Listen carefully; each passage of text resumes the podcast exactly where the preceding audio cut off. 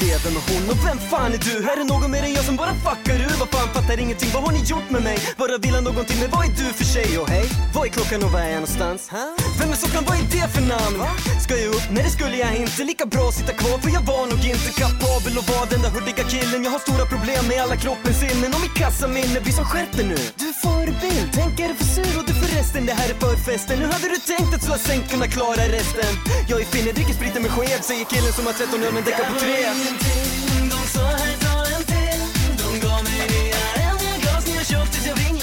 Men eh, ja, num- avsnitt nummer 17 av Neon möter en vän. Sitter här på Södermalm med Byss.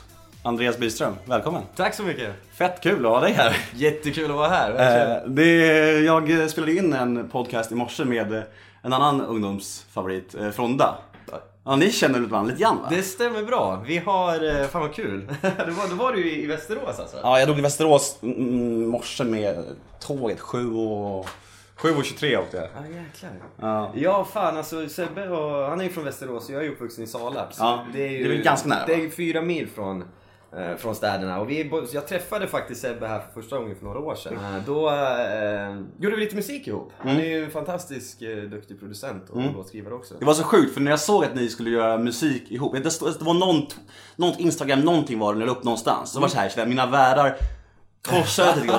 Det var så när mamma var liten och, och eh, David Bowie gjorde låt med... Eh, nej, det var David Bowie gjorde låt med Mick Jagger, Dancing in the Streets. Och hon sa att hennes världar kraschade så. Jag var så här, vad, fan, de kan inte göra musik om, vad konstigt. Men så här, det blir nog bra. Men så kom aldrig den. Nej jag vet, jag vet. Eh, Det var ju alltså, Och det var, det var din låt, eller hur? det var min låt. Så du, ja, du kan vara ärlig, du kanske inte blev så nöjd med det, var det så? Alltså nej, jag tyckte att den var, den var helt, den var bra alltså. Förstår jag menar? Jag är nöjd med den, jättenöjd med den. Och som jag sa så är jag grym och han lägger en fet vers på den där, på den där låten. Och, men problemet var att den var lite fel i tiden. Det var liksom, jag är signad på ett norskt skivbolag eh, som vill att jag ska göra musik som är mer anpassad för den norska marknaden. Eh, och den här låten är väldigt bouncy, det är ganska snabb rap och i och med att det är på svenska så är det lite svårt att funka i Norge. För man tror ju att norrmän förstår svenska klockrent men de, de behöver lite sloware liksom, Men hur, musik. vad är det, alltså om du tänker att skriva en låt till en Alltså svensk, låt för svenska publiken, norska publiken, vad är den stora skillnaden liksom?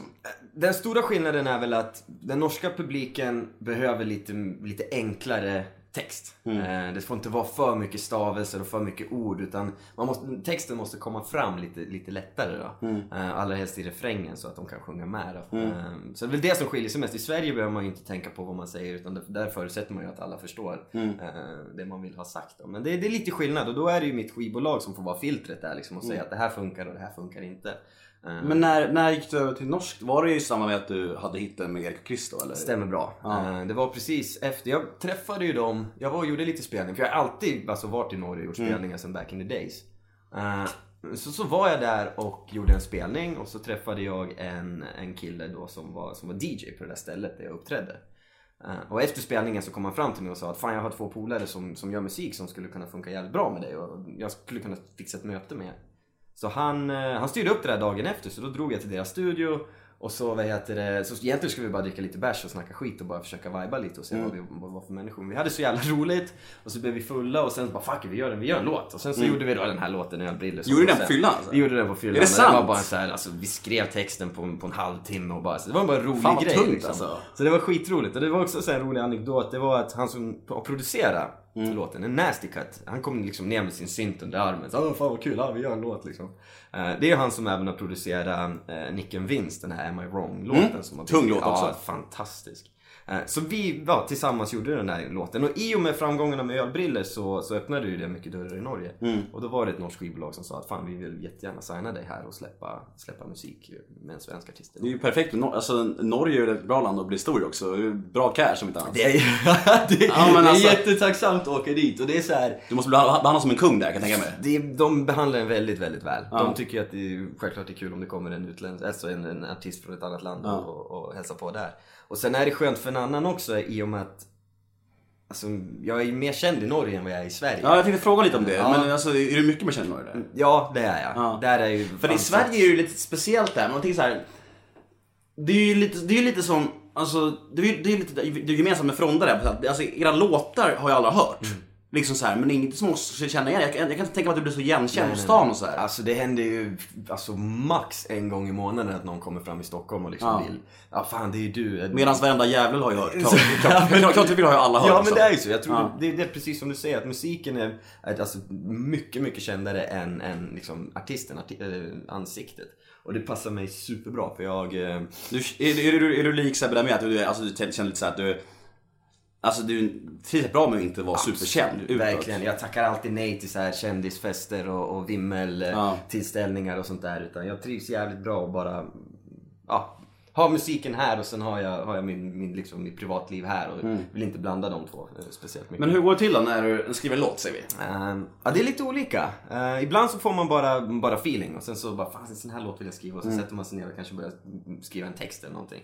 Men i och med att jag inte producerar själv och jag, egentligen så skriver jag inte musik själv heller så samarbetar jag ju ofta med andra producenter. Eh, Så i, i, exempelvis i Sebbes fall då så var det ju inte tank, första tanken var ju inte att han och jag skulle göra en låt tillsammans. Utan han skulle producera en annan låt till mig. Jo det sa han tror jag. Ja. Att det var, ni jobb- jobbade med två låtar. En Precis. som han producerade och en som han la vers på. också. Exakt. Så den första tanken var ju att jag skulle åka ut dit till Västerås i hans studio och sen skulle vi sätta oss ner och sen så skulle han liksom bara, ja vi skulle viba och sen skulle jag säga, ofta så funkar det så att jag har en vision och så kommer jag till studion till producenten och så säger jag så här, jag vill göra en sån här låt. Jag vill att det ska låta så här, jag vill ha de här instrumenten, jag vill att det ska vara, det ska vara ett akustiskt sound eller det ska vara liksom en massa syntar eller det ska vara 80-tal. Alltså, det spelar liksom ingen roll. Utan jag kommer med en vision och sen jobbar vi upp det där tillsammans och så får vi se vart det hamnar. Och under processens gång med, med musiken så sitter jag och skriver text och melodi. Och sen i slutändan så får vi fram en färdig, en, en färdig produkt. Ehm, så det är, det är mycket så det funkar. Och ibland så kan det vara också så att producenter som jag har jobbat med skickar eh, instrumentalet till mig och säger vad tror du om det här, vad tror du om det här? Och sen kanske inte man får feeling på en gång. Ett jättebra exempel på det här det är Karatefylla till exempel som är en av mina kändaste låtar skulle Ja, man kunna säga. Den instrumentalen hade jag på min dator i över alltså, 13 månader innan jag skrev någonting på det. Jag hörde den första gången och så var det så här, ja, disco beat 128 bpm. Pff, Kanske inte riktigt det som jag vill göra just nu för då, jag ville ändå hålla det liksom, ha lite hiphop, eh, vad ska man säga, någon hiphop-ådra i, i, i, i musiken som Ja. jag gjorde då. Och sen så kom jag hem en, en, en söndag Packa- morgon. packade igen. Ja men, ja men det var nästan så. Alltså, jag kom hem en söndag morgon och det hade varit en riktig jävla blöt vända ute i Karlstad som jag bodde i då. Eh, och så bodde jag i en student, studentkorridor och sen så gick jag ut där på, på morgonen, kvisten där efter jag hade pignat till. Så träffade jag min kompis Fille då som jag hade varit ute med kvällen innan. Och så, så frågade jag honom bara, vad fan alltså igår, vad, äh, vad hände egentligen? Och det är då första han säger är bara, fan Andreas, vi hade en sån jävla karatefylla. Och det var det, jag tyckte det var så jävla roligt så jag skrattade ju skitmycket åt det där. Vad fan säger du karatefylla? Jag Men du satte ju det ordet på mappen lite grann. Ja, men det, det är ju ett ord Ja, egentligen ja, men ja. det blev ju ett ord på allvar. Precis. Ja. Så jag tog egentligen Filles uttryck där som han sa och sen gick jag bara tillbaka till mitt rum och sen gick jag igenom den här mappen med beats. Mm. Och sen plockade jag ut det här beatet. Jag vad fan det här är klockrent för den här låten. Och så skrev jag den låten och sen gjorde vi låten. Och... Men det är så intressant för det. Du säger att det, alltså, en, en, du, du har inte ens tänkt på den låten. Det var så här, det är ju, nu är det sista gången vi nämner från där i den här podden. Men han sa ju samma sak om, om Rulla fram. Att den var inte ens tänkt komma med på hans platta. Nej. Det blev hans största hit. Det är ofta Det är också så. så, här ironiskt på något sätt. Det är, Ödets ironi. Ja, ja, men jag tror att det är väl, om du pratar med väldigt många människor som gör popmusik så är det ehm, så är det de mest oväntade låtarna Mm. som, som, som blowar. Och jag vet, jag kan inte sätta fingret på det här, men personligen så har jag aldrig kunnat liksom listat ut, när jag har suttit med 14 spår, så jag har aldrig kunnat pekat ut vilken utav de här låtarna som kommer bli hit liksom. Nej precis, det är därför så svårt att skriva hittar på beställning. Helt omöjligt alltså. Man kan skriva bra poplåtar som, som funkar. Man vet att ja, men, typ en sån här låt gillar de flesta. Men ska du ha en hit som liksom kommer leva kvar i decennier. Det är pissvårt alltså. Det är... Så, så sen låten ni skrev ihop kommer aldrig se dagens ljus? Jo, det kan det Kanske göra. med mig, någon blöt kväll med mig. ja, men exakt. Ja, för jag vill höra den personligen, på Ja, men fan alltså. vad roligt. Ja, men det, är, det, är en, det är en cool låt. Den heter Piraterna. Eh, Mm. Och den är så här, som jag sa, den är väldigt bouncy och den är, eh, den är cool som fan. Mm. Eh, Fronda sjunger refrängen och lägger en vers och jag lägger första versen och sticket.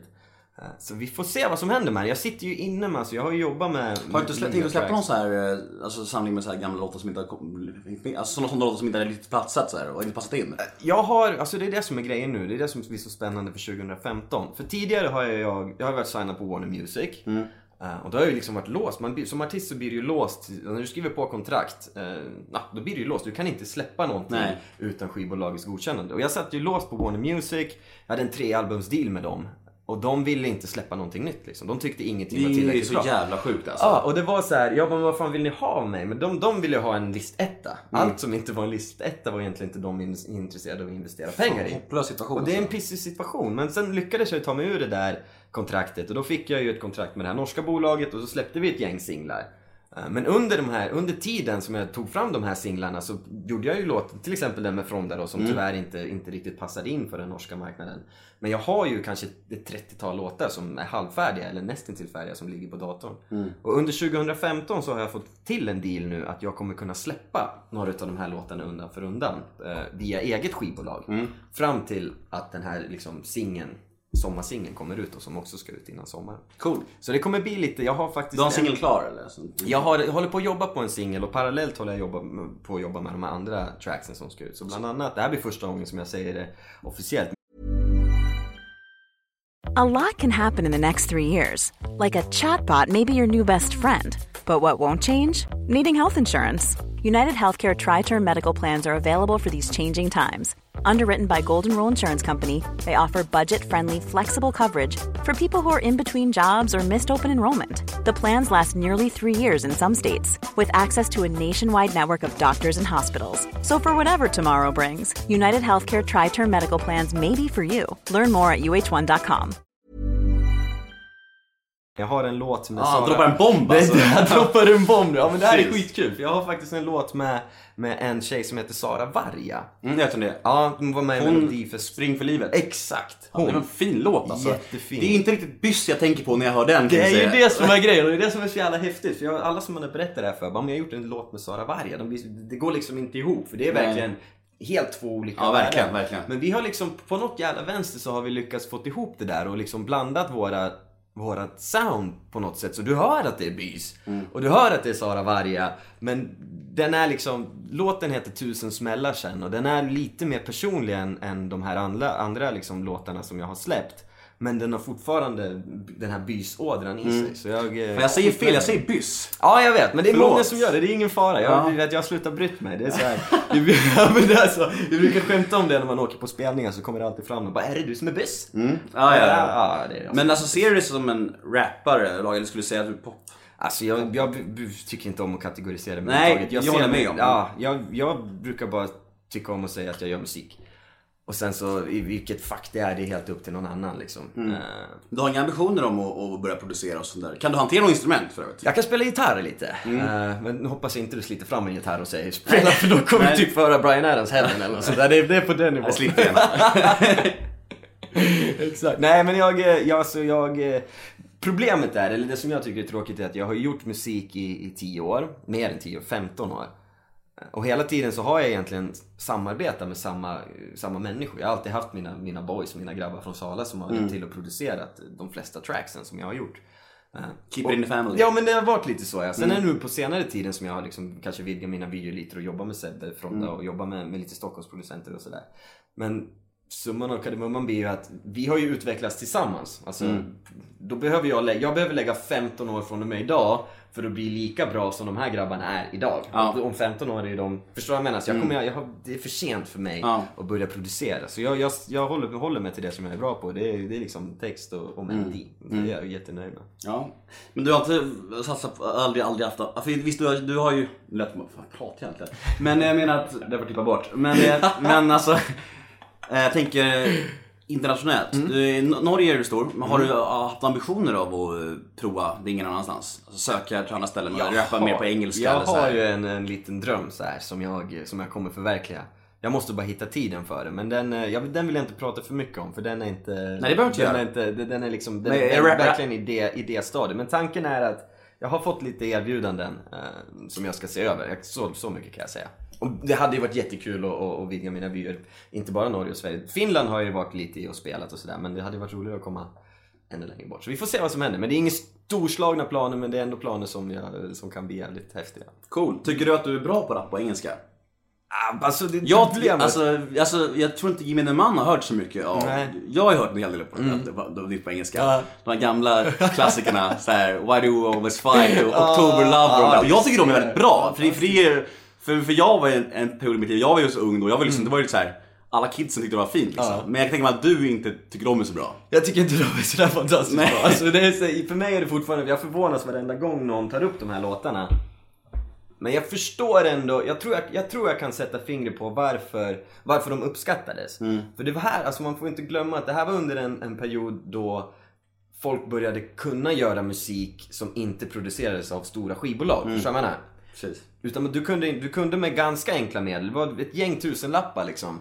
Så kunde du, och sen självklart lite kunskap, så kunde du faktiskt producera en låt som, som du sen skulle kunna sprida på internet. Eh, Konkurrensen här- var här var inte så blödande som det är nu. Nej exakt, och det var, och grejen var att det var en jävla kontrast till det som spelades på radio och TV. För det var välproducerat, det var snyggt, det var superstars, det var skivbolag som gick in med enorma pengar och tog fram det här. Och då fanns det då, i kontrast till det där, så fanns det då en kille från Sala som var 17 bast, som gjorde egen musik.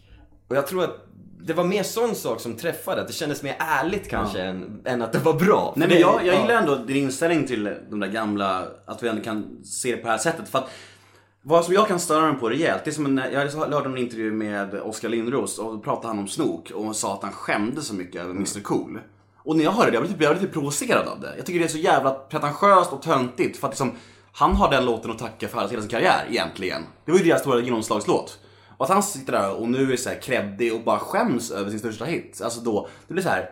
Det tyckte Adam Stray också, att, också att det var ett larvigt uttalande. Men jag blev så här, vad fan. Det är, ju, det är ju en del av livet liksom. Alltså, jag, jag, jag, som sagt var, det, det där får ju han stå för och det respekterar jag till 100, 150% liksom. Men jag kan ju bara utgå från mig själv och hur jag Skäms känner. du över din låtmusik? Alltså, jag skäms inte över min musik. Men du kanske inte kan stå för den på samma sätt Nej, men det idag? är det. Jag kanske inte vill, jag kanske inte vill eh, eh, presentera de låtarna för någon som jag aldrig har träffat och den personen frågar vad gör du för musik? Då kanske inte jag sätter på Why Do I Always Fight eller, eller liksom For the Shit. Det gör jag. Ja, men- Varenda gång jag tar en ny tjej. Du måste höra den här gamla Ja, dängan. Nej men du förstår vad jag menar. Alltså, det är klart, man får ju sätta sig in i den situationen som var då och hur man kände då. Hade jag då känt så här, för fan det här är skitdåligt, det här, kommer jag ju, det här är ju pinsamt, det här vill inte jag släppa. Och sen kanske, inte vet jag, blivit erbjuden massa pengar och, och då av den anledningen släppte det. Då skulle jag ju faktiskt kunna skämmas för det. Men det här var ju saker som jag tyckte var var helt okej då. Jag, var ju, jag var ju faktiskt stolt över det. Här har jag fan Ja, ja. gjort en sånglåt. Jag kan ju fan inte ens sjunga. Liksom. Men alltså kan du känna så här, alltså de här låtarna som du får bränna av på varenda gig, kan du känna dig less på dem? Eller känner du ändå så här att du är jävligt tacksam faktiskt att du har, fått några rätt stora Jag är hits? supertacksam. Alltså jag, är, jag är glad varenda gång jag får gå upp på en scen. Och framförallt när jag kliver upp på en scen och kanske börjar med Hej där och ser liksom de tre första raderna bara sjunger med i hela, i hela refrängen och hela verserna. Och då förstår man ju att fan den här, den här låten har faktiskt gjort intryck på de här människorna. Eh, och det är, det är ju det som, det är det som är kul, det är det som gör mig glad. Sen spelar det ju fan ingen roll vilken låt jag går upp med. För jag går inte upp där för att, att bevisa någonting. För det har jag redan gjort. Jag har ingen, ingen behov alls av att, att, visa upp mig eller att de här människorna ska tycka att jag är Sveriges coolaste artist. Det är inte därför jag gör det, utan jag vill förmedla någon form av känsla. Eh, och förhoppningsvis en glad och positiv känsla så de där människorna går härifrån och tänker fan det här var skitkul. Jag kommer ihåg de här låtarna från back in the days när, när vi festade och hade jättekul och, och livet var, var underbart liksom. Så mm, självklart så är det ju alltid roligt att gå upp med en ny låt. För då blir det, du tänder till lite extra för de här låtarna sitter ju i ryggmärgen. Alltså, jag har ju aldrig förberett mig inför en show. En sån sak liksom. För de här låtarna har funnits med så länge.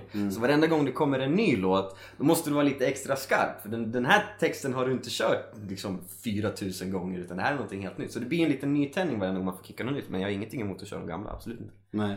Alltså shit vad du, ja, du är exakt som jag föreställer mig. Du är så jävla energisk och, och glad. Alltså, du, alltså har, har du någon diagnos? eller? Garanterat. Ja men det har jag också, men jag tycker att det är så intressant. För jag, jag, för jag har dina musikvideos som Ölbrillor framförallt, Mm. då, alltså, och det här liveframträdandet när ni kör i Oslo. Är fet publik för Det är Sjukt. helt fantastisk Sjukt upplevelse. spelning. Ja, det var galet. Då är du ju helt vild alltså. Ja men alltså jag, det bara blir så, just när det handlar med musik också. Jag tror att de som har jobbat med mig i studion och sånt där Är du likadan när du spelar in också? Absolut. Jag, alltså, jag, fett. ja, men så fort det blir någonting som jag, som jag blir lite exalterad över, då, då, jag kan inte sitta still. Jag måste upp och jag måste liksom få det ur mig. Men sen har jag en jävligt lugn sida också. Jag tycker om att läsa böcker, jag tycker om att måla, jag tycker om att chilla och tycker om att ha det helt tyst liksom.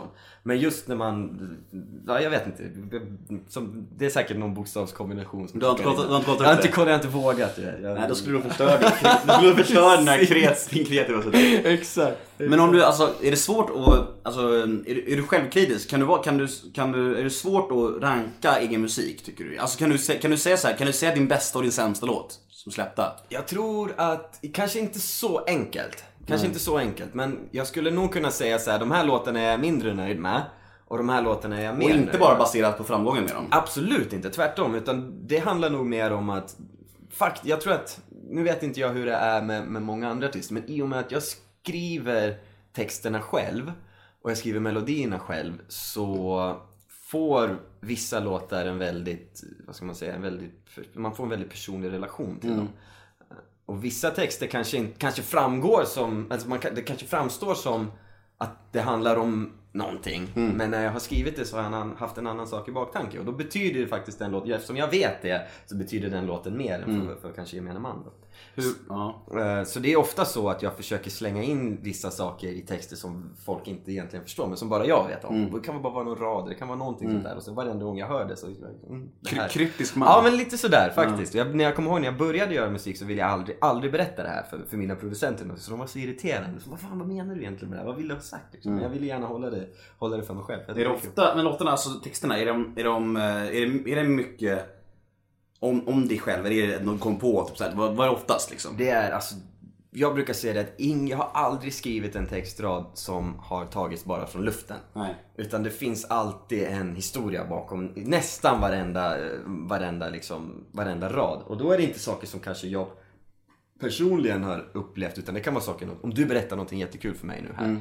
Eh, och så heter det, då tar jag inspiration av det och sen försöker jag blanda det i någon situation som jag har varit i. Eh, Och det är lite som att när man ska, så musiktexter handlar ju mycket om att berätta en historia. Och man behöver krydda historien lite, man Ja, behöver lägga på lite, man behöver Annars får man ingen reaktion. Nej men exakt, exakt. Som till exempel en låt som jag har gjort som heter Jag smyger ut. Den är ju liksom, ja men den kanske du har hört. Jag tänkte berätta några av mina favoritlåtar, den är med där. Ja, Okej, ja, men Ja, fan den är ju kunglig, Ja, alltså. men den är, den är ju... Det känns, den är inte, det känns inte helt sant. Det är ju det som är grejen. Det finns ju, det är ju lite kryddat där liksom. Han kom inte hem när jag var kvar. Förstår? Nej, nej, nej. Det fattar man Eh, ändå. Precis. Men det blir en bättre låt Det blir en bättre låt. Det Ja. blir en mycket roligare, det blir en mycket roligare liksom, historia att lyssna på. Mm. Så det, sådana saker använder man sig ofta av. Men ingenting är ju taget från luften som sagt. Och det är inte bara så här, nu ska jag göra en sån låt bara för jag tror att folk vill höra den. Utan det utgår ändå från mig Ja. på ett eller annat sätt. Ja. ja men hur, hur ställer du dig alltså, inför kritik från andra människor? Är du, är du känd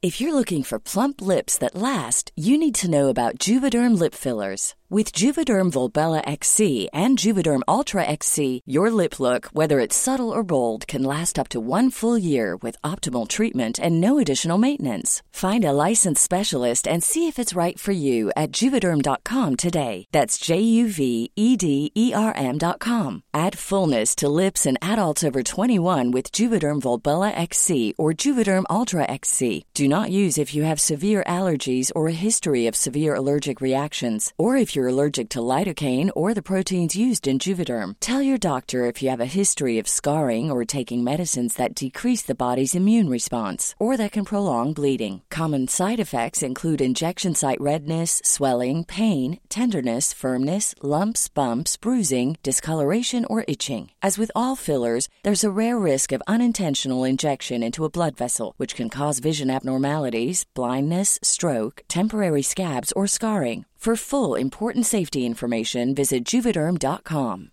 Ryan Reynolds here from Mint Mobile. With the price of just about everything going up during inflation, we thought we'd bring our prices down. So to help us, we brought in a reverse auctioneer, which is apparently a thing. Mint Mobile unlimited premium wireless. Ready to get 30, 30, bit to get 30, bit to get 20, 20, 20, bit to get 20, 20, bit to get 15, 15, 15, 15 just 15 bucks a month. So, Give it a try at mintmobile.com slash switch. $45 upfront for three months plus taxes and fees. Promo rate for new customers for limited time. Unlimited more than 40 gigabytes per month. Slows. Full terms at mintmobile.com. känslig? Tar du illa upp eller? Nej, alltså det... det Rinner det bara av dig? Ja, alltså, nej inte bara det. Jag tycker det är fantastiskt kul. Varför? Jag tycker att det är skit... all- Alldeles kreativ kritik. Det tycker Mm. jag så här. Om någon kommer och säger du suger kuk. Det är så här.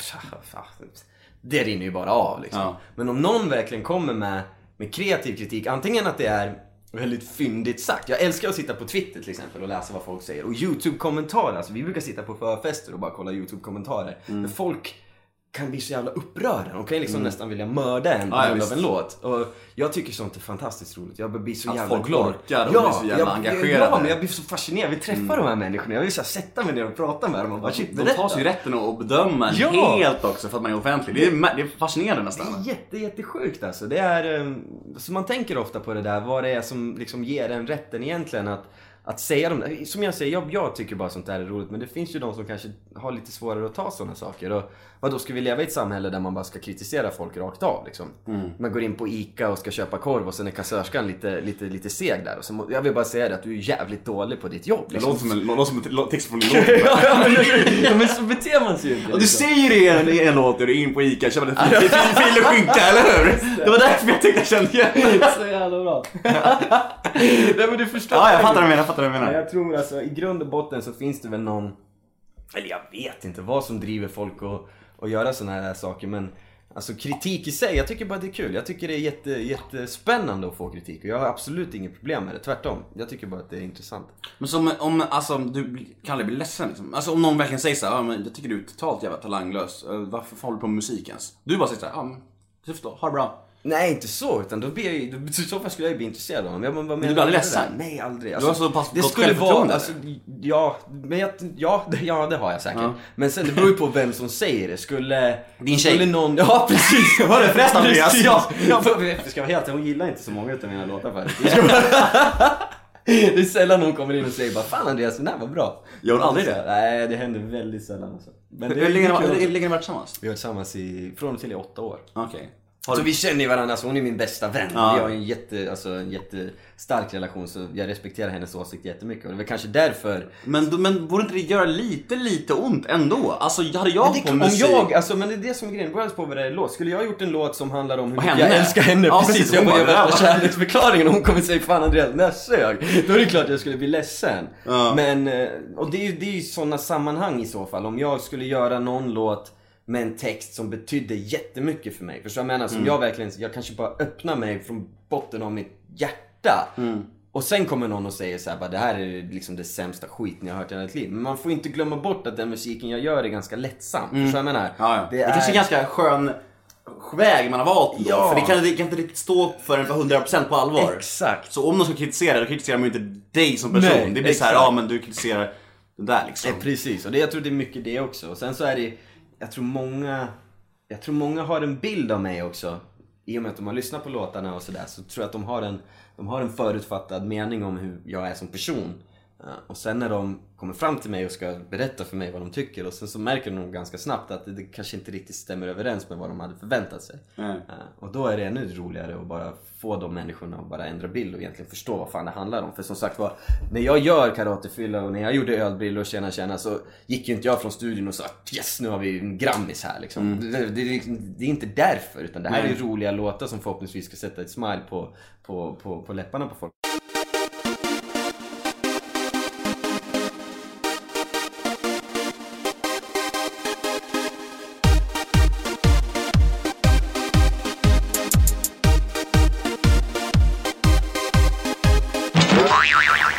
Alltså, hur, alltså drivkraften tänker jag.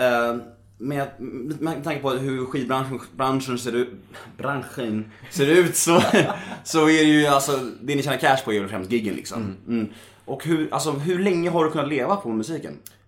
Sen 2006. 2006. Och, eh, och vad är målet? Aldrig målet. Alltså det var, alltså, till början var det, det är också en ganska rolig historia. Men jag Kör. började, ju- jag började göra musik 2000, alltså 2000, 2001 någon gång där. Och så, då var det ju bara jag och mina vänner som, som satt i ett garage och gjorde de här låtarna och sen så distribuerade vi dem på, på internet bara. Vi jobbade jävligt, vi var jävligt flitiga med att jobba med eh, med marknadsföring på internet. Vi satt på alla de här olika forumen och vi postade reklam för dem, vi tog kontakt med människor, vi knöt upp liksom relationer till ambassadörer i olika städer. Det är ändå det man, om man har, har alltså, haft en relation till dig i längre tid, så känner det man det man alltså, förknippar dig med. Att du är liksom såhär, byss, st- stor jävla Ja, internetartist. nej, men exakt. Det och, det, ja. och det folk inte vet, folk tror att det där hände på en natt bara så här, pang. Men det är någonting som vi byggde upp jävligt Mm. länge. Eh, och sen, som sagt var, sen, jag kommer ihåg Warner Music. Alltså jag släppte, jag hade ju eget skivbolag när jag var 19. som vi drev tillsammans liksom.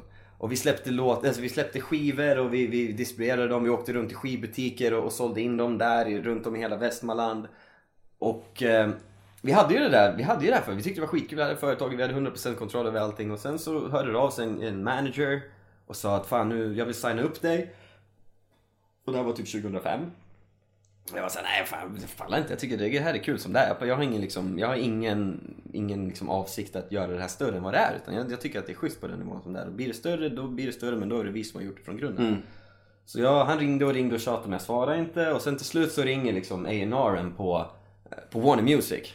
Mm. Mattias Wachtmeister och säger det att nu får du komma på, på möte. Nu kommer du hit din Ja jävel. men det var så. Och då satt jag i bilen med min pappa så skjutsade mig till Västerås och jag skulle åka till Karlstad. Och då var jag såhär bara, ja men eh, absolut, men jag, jag kan komma om en månad.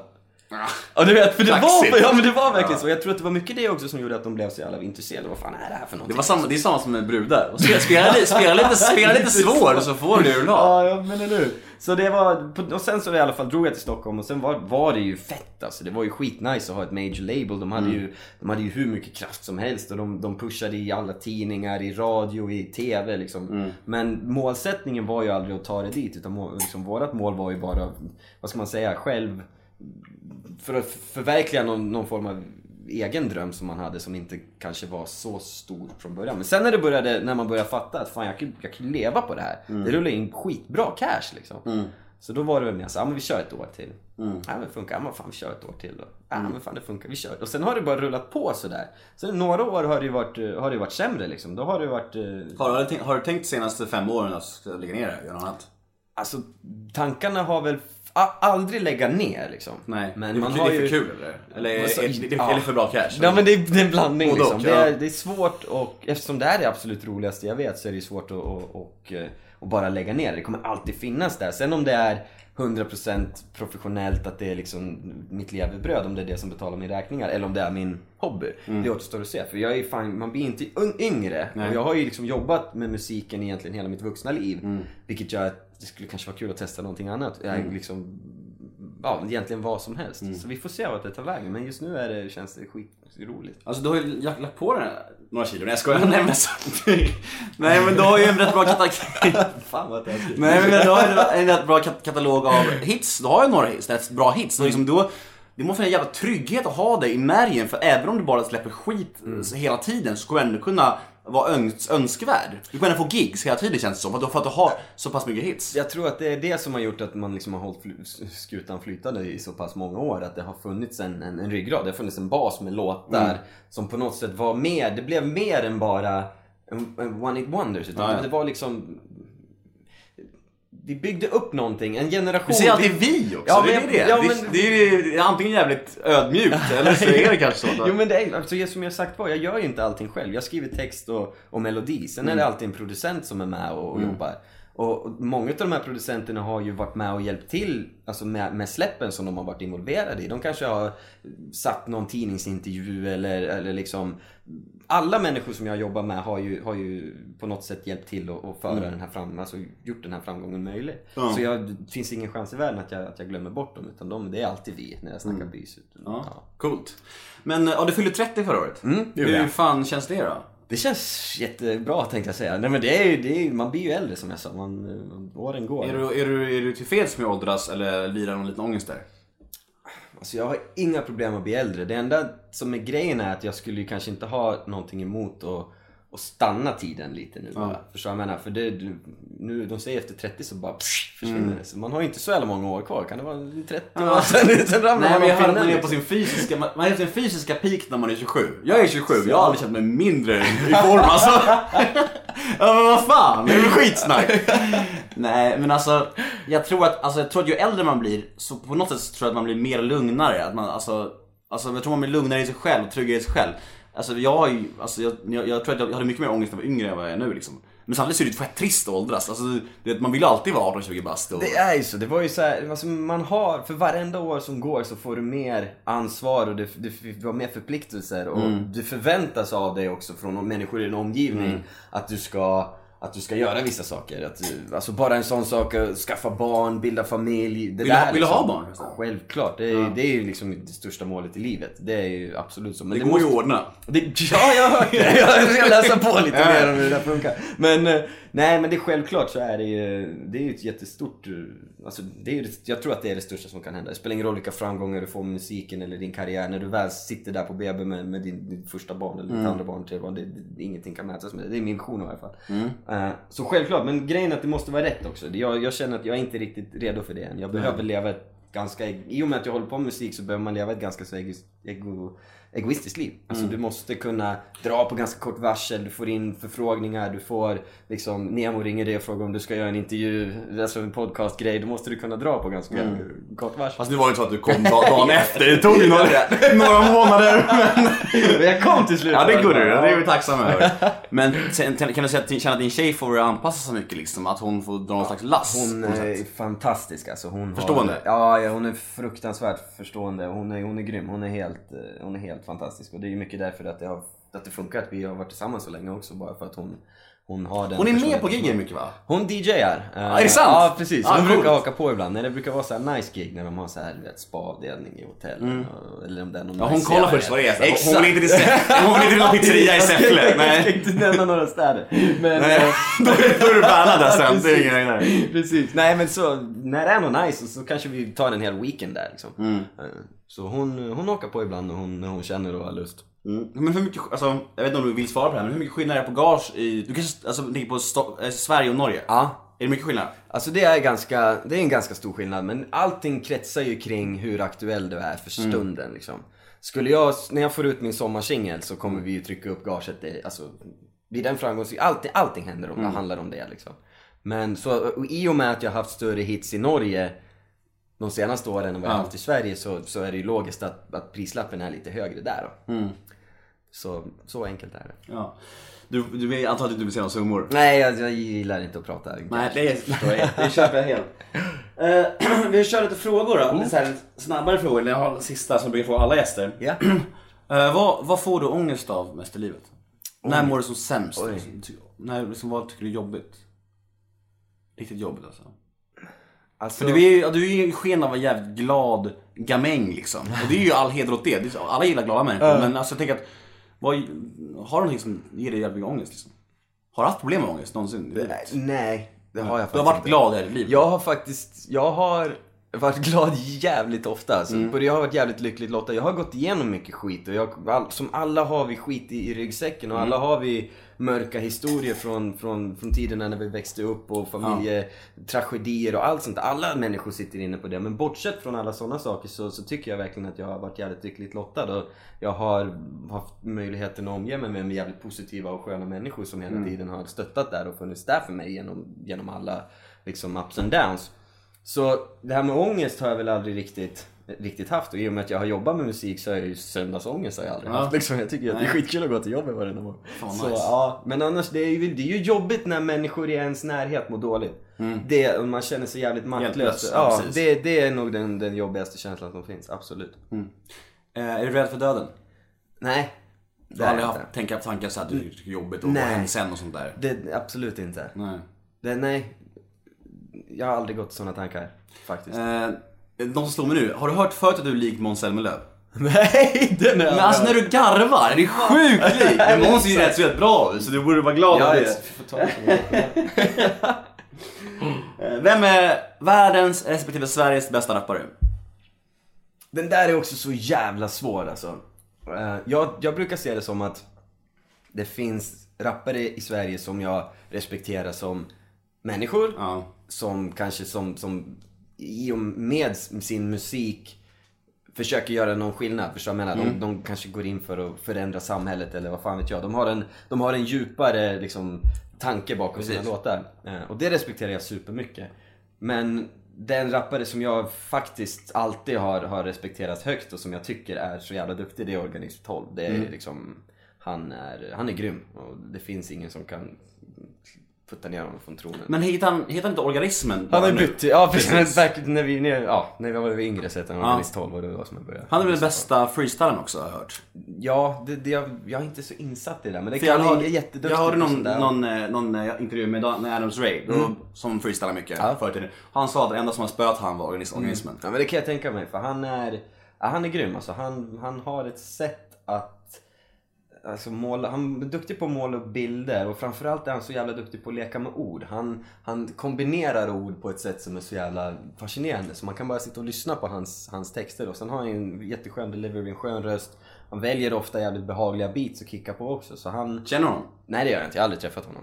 Jaha, men det borde inte vara omöjligt. Du kanske inte vill det heller? Alltså vi är ju jävligt långt ifrån varandra, förstår du vad jag menar? Ja. Det är så här, du tror inte att han säger byss som sin favorit?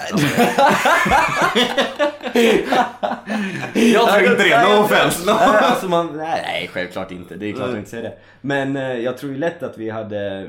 Alltså jag, jag säger så här. Hade vi gått in i en studio tillsammans så hade vi inte kommit ut med en dålig låt. Så enkelt är det. Men, du har, du aldrig funderat på frågan om? Du vågar du inte? Alltså det är ju... Det är väl Shout kanske out lite till organismen. Nej, alltså som sagt vi är jävligt långt ifrån varandra. Jag tror att det ska till en, en fylle session i så fall. Men du hade aldrig bangat om han frågade? Nej det skulle jag självklart inte göra. Nej. Självklart inte. Men det är, som sagt han, han, vi har jävligt olika musik och det skulle, jag tror att det, det skulle kanske bli lite konstigt. eh, Faktiskt. Ja men vad fan, du och Sara Varga. Alltså, ja, det var faktiskt, exakt. eller hur? Det alltså, de konstigaste kombinationerna kanske blir de bästa låtarna. Så är det. Eh, men visst, du sa aldrig den andra frågan, världens bästa. Har du någon favorit bland de stora också? Jag har ju...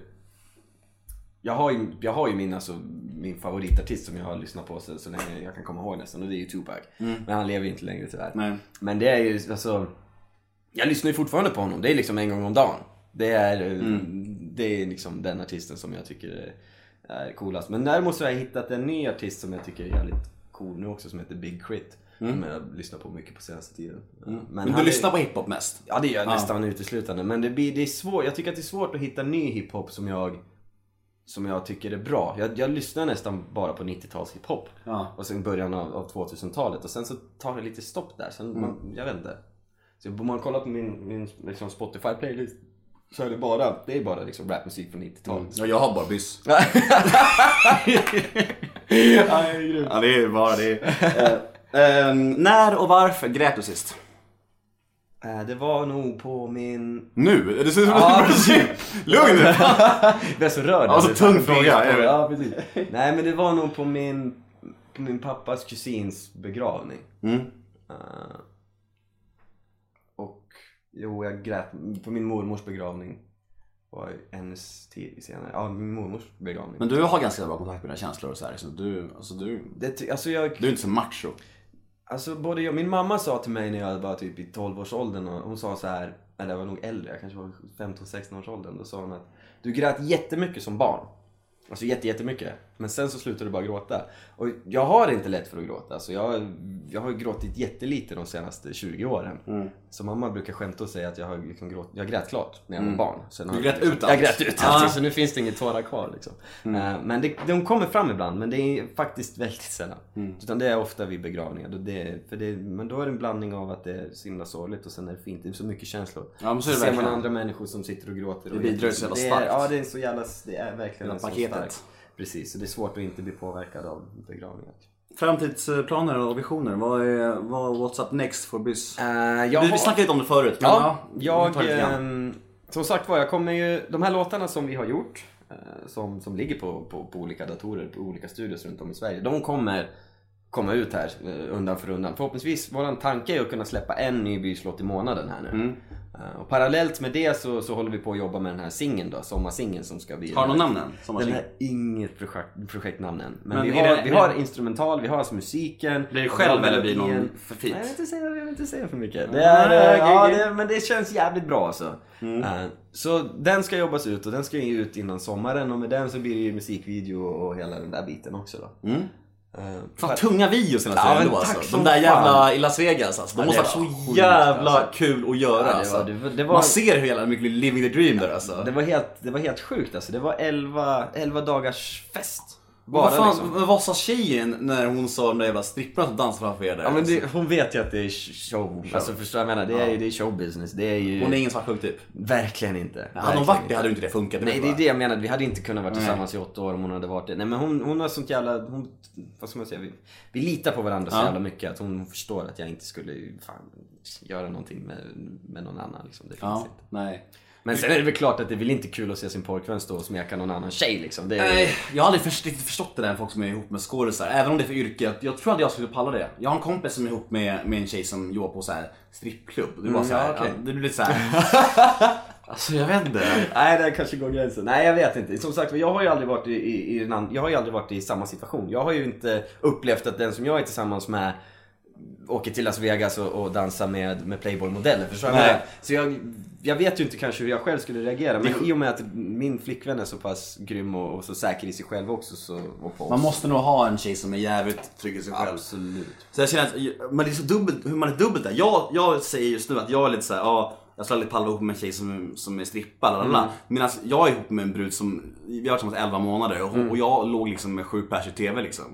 Alltså förstår Ja, du? ja, ja. Förstår du hur, dubbelt det är? Att man liksom ändå liksom, det är så jävla konstigt att man, alltså, Ja, det är märkligt att jag är så dubbel. Är- Man, man är väl hycklare. Alltså, Ja, men det är så. Men det är som sagt var, man vet inte hur det är förrän man är i situationen. Liksom. Det är svårt, lätt att sitta i förhand och berätta hur man reagerar. Om man vill nå eh, Andreas Byström på sociala medier, vad, hur, vad heter du?